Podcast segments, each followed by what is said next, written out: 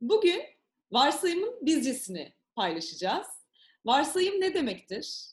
Neden varsayarız? Varsayım merdiveni nedir? Bunlardan bahsedeceğiz. Ee, yapmış olduğumuz varsayımların bize faydası nedir? Zararı nedir? Biraz da bunlardan bahsediyor olacağız bugün. Ee, bir önceki videomuzda yargısız zihnin bizcesi demiştik. Oradan da biraz alıntılar yapmaya devam edeceğiz ve yargı ile merak arasında ilerlemeye bu videoda da devam ediyor olacağız. Hı hı. Şimdi varsayım deyince böyle bazen çok teknik bir şeyden bahsediyormuşuz gibi algılanabiliyor. Böyle bir istatistik terimiymiş gibi algılanabiliyor ama aslında o kadar hayatın içerisindeki e, varsayımlarımız. Yani kendimizi ne kadar şu cümleleri kurarken buluyoruz. E, Aa böyle böyle sandım. Aa zannettim ki şöyle şöyle olacaktı. Veya ya böyledir kesin. Yani bence. Bunların hepsi aslında birer varsayım barındırıyor içlerinde. Sadece farklı kelimelerle kendilerini tezahür ediyorlar. Ve farkında olmadan da e, hayatın içinde çok yerleri var aslında. Evet, aynen öyle. E, varsayım merdivenine geçelim mi? Geçelim. Bu varsayımları nasıl oluşturduğumuza bir bakalım e, her şeyden önce. E, dolaptan başladık bir önceki videoda. Şimdi merdivene doğru gittik. Bu merdivende ne var? Biraz orayı karıştıralım. Hangi basamaklar var?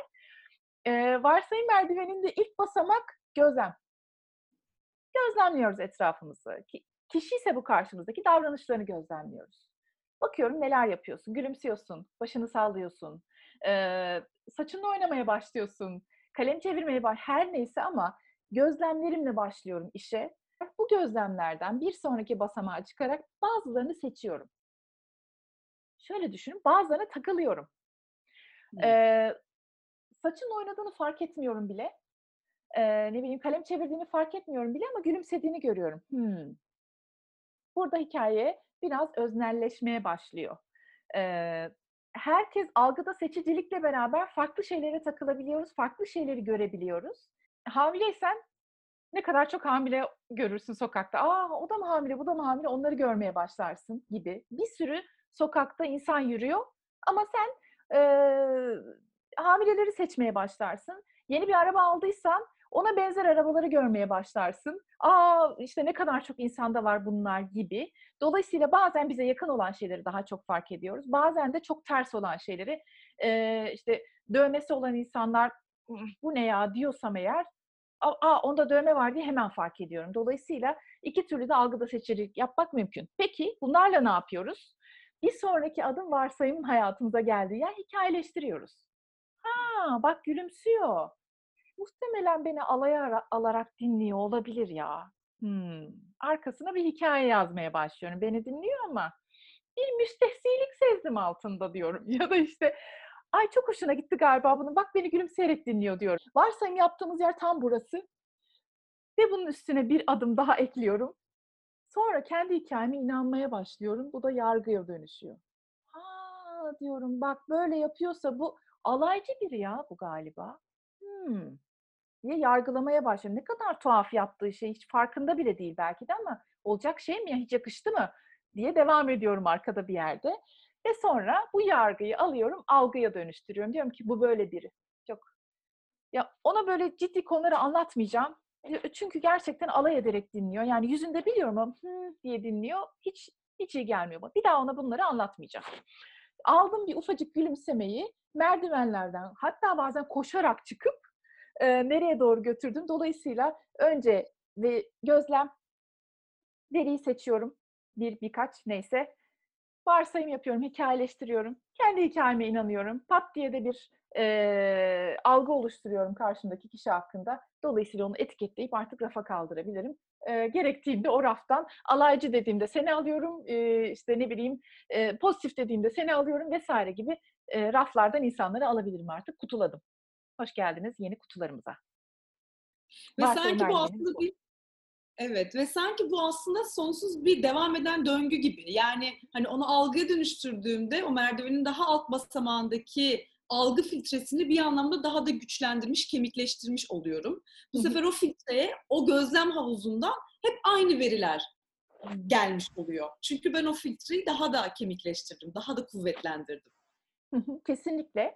Bazen de o filtreyi değiştiriyorum. Yani algı oluşturabiliyorum böyle güçlendire güçlendire. Bazen de algıyı değiştirebiliyorum. Ya ben öyle zannettim ama hiç de öyle bir insan çıkmadı diyorum. Hayatta da öyle değilmiş deyip değiştiriyorum. Bu bazen e, yani ben seni çok soğuk bir insan bilirdim ama öyle değilmiş senere dönüşüyor. Yeni algılar. Bazen de ya ben sana o kadar güvendim ama sen güvenilmez birinin tekiymişsine doğru dönüşüyor. O yüzden o algılar iyi ya da ya da kötüye doğru dönüşebiliyor bazen. Evet ve burada da aslında belki o algıları değiştirmenin yolu ya sormaktan geçiyor. Ya ben kendi içimde böyle bir hikaye uydurdum kendime ama acaba bu gerçeklikle ne kadar örtüşüyor? Ya da bu noktada bir tecrübe yaşamaktan geçiyor. Bazen yaşadığımız tecrübeler algı filtrelerimizi daha da e, keskinleştiriyor. E, daha da böyle altını çiziyor. Bazen yaşadığımız tecrübeler bizi oradan e, başka bir yöne doğru e, götürüyor. Yani böylelikle filtreyi değiştirmiş oluyoruz. Kesinlikle. Ve aslında ve aslında bunun o bizim gözlemlediğimiz veriye yüklediğimiz anlamın bize olan etkisinin farkına varmak belki de hakikaten en e, büyük erdemlerden bir tanesi. Çünkü bu anın içerisinde çok otomatikleşmiş bir şekilde çok hızlıca olu veriyor bir anda. Değil mi?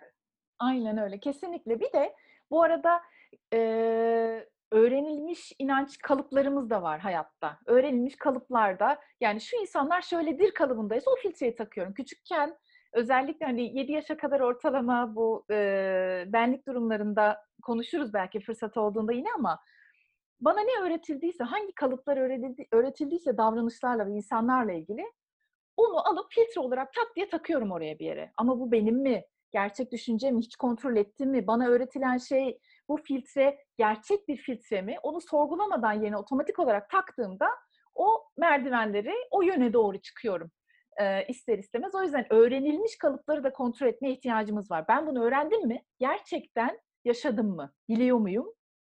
Yoksa varsayıyor muyum? O tarafta da kuvvetli bir soru olabilir.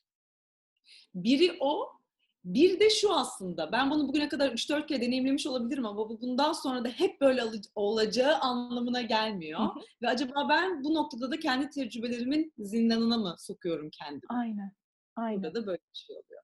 Aklıma şu söz geldi, Krishnamurti'nin sözü. Ee, gözlemi yorumdan ayrıştırmak en üst zeka seviyesidir. Hmm.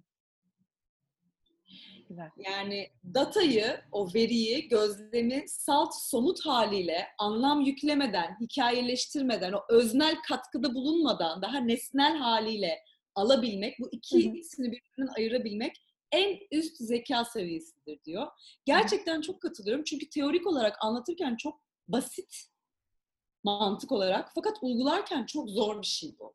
Yani kendi öznel yorumumuzu, o perdemizi, o filtremizi ek- eklemeden olanı olduğu gibi alabilmek gerçekten hiç kolay bir şey değil. Kesinlikle. Dolayısıyla o meraka dönüştürmek zor. Beyin o bilgiyi aç. Yanlış da olsa bir cevap istiyorum. Yeter ki bir cevabım olsun. Evet. Ama merak etmek demek o soru işaretini açık bırakmak demek. Dur bakalım bir sor diyebiliyor olmak demek. Peki tam bu noktada aslında e, bahsetmek istediğim bir kitap var. E, o da Dört Anlaşma. Şöyle bir kitap. Toltek bilgelik kitabı diye geçiyor. Don Miguel Ruiz'in. E, yani neredeyse eğitimlerin yüzde sekseninde falan ben bu kitabı öneririm. Hem şu kadar incecik bir kitap hem de o kadar e, güzel öğretiler barındırıyor ki içerisinde. E, çok kısa bundan bahsetmek istiyorum. Adından da anlaşılabileceği gibi içinde dört tane anlaşma var. E, bu anlaşmalardan bir tanesi asla varsayımda bulunma. Ki bu yüzden bu kitabı şu anda öneriyorum. Don Miguel Ruiz'le ben bu konuda aslında çok aynı fikirde değilim. Hı. Ee, asla varsayımda bulunma diyor ve bu çok güçlü bir söylem. Hı hı. Az önce senin de bahsettiğin gibi yani içeride öyle bir mekanizma var ki yani etiket matbaasıyla yaşıyoruz içeride.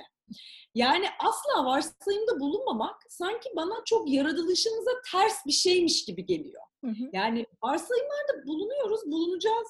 Ee, çok da bulunduk. Dolayısıyla bu bizim e, varoluşumuzun bir parçası evrimleştiğimiz süre içerisinde. Fakat şunu yapmak mümkün.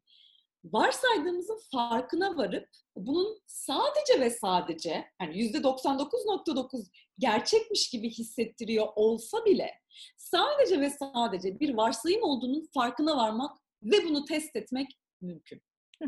Bunu test etmenin yolu da sormaktan geçiyor zaten. Yani benim içeride kendime söylediğim hikayenin doğru olduğuna inanmayı bırakıp yani o varsayıma sarılmayı bırakıp o varsayımı sorgulayabildiğimiz zaman aslında yapabilmemiz, yapmamız gereken şeyi yapmış oluyoruz. O yüzden asla varsayımda bulunma değil, ben onu şöyle çeviriyorum. Asla varsayımına sarılma. Biraz uzağında kalsın. Güzel. Hani de ki ben böyle bir varsayımda bulunuyorum şu anda ama acaba doğru mudur? Ben bunu bir kontrol edeyim. Süper. Hatta o sarılmamanın da iki türü mümkün galiba. Ne dersin? Bir tanesi dışarıya sorma. Yani biraz önceki örnekten gidersek ya gülümsediğini görüyorum diye bir geri bildirim alma ihtiyacı mümkün. Ne oldu bir anlatsana diye karşıya sormak mümkün. Bunu yapmadan önce de içeride bunu sürdürmek mümkün birazcık. O, o sarın, o biraz uzaklaşabilmek için fırsat yaratabilir. Ee, en önemli sorulardan birincisi gerçek mi? Gerçek mi ve her zaman doğru mu? Birinci temel soru bu.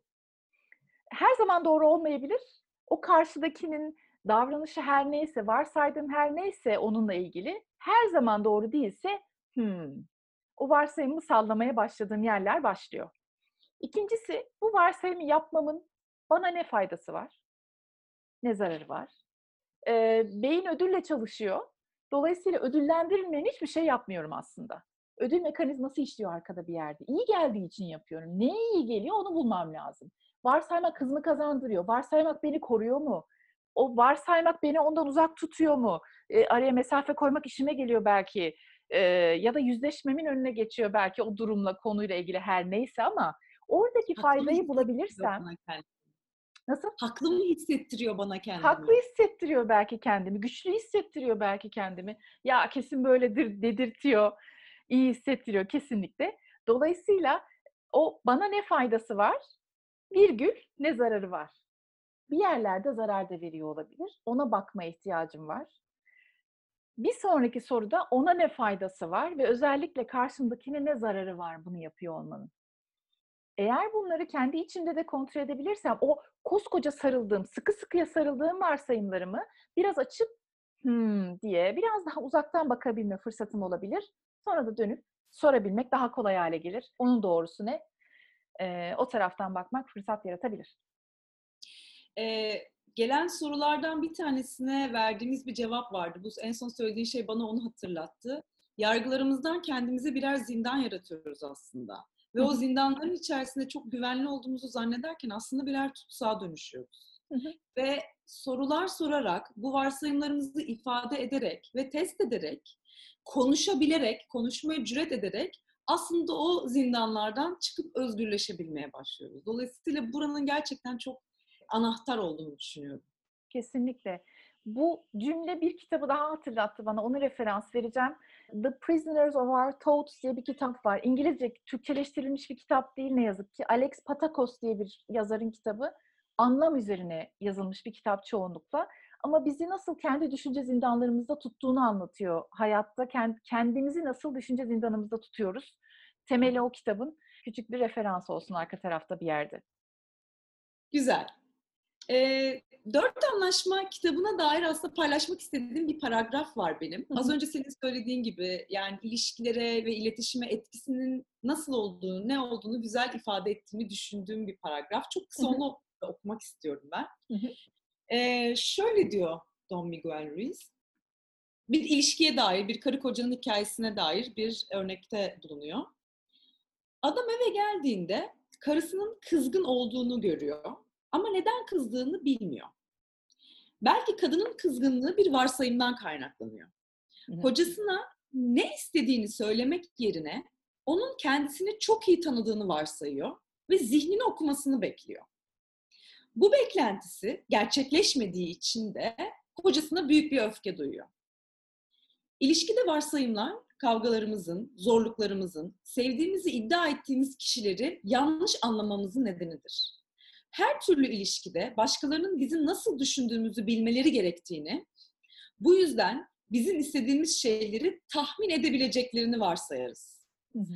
Ama isteklerimiz otomatikman yapılmadığında, beklentilerimiz gerçekleşmediğinde kırılır, incinir, üzülür ve bunu bana nasıl yapabildin, bilmeliydin diye düşünürüz.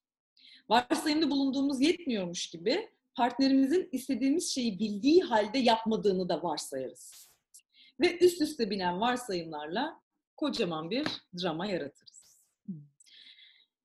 Gerçekten e, o drama aslında bir zindan.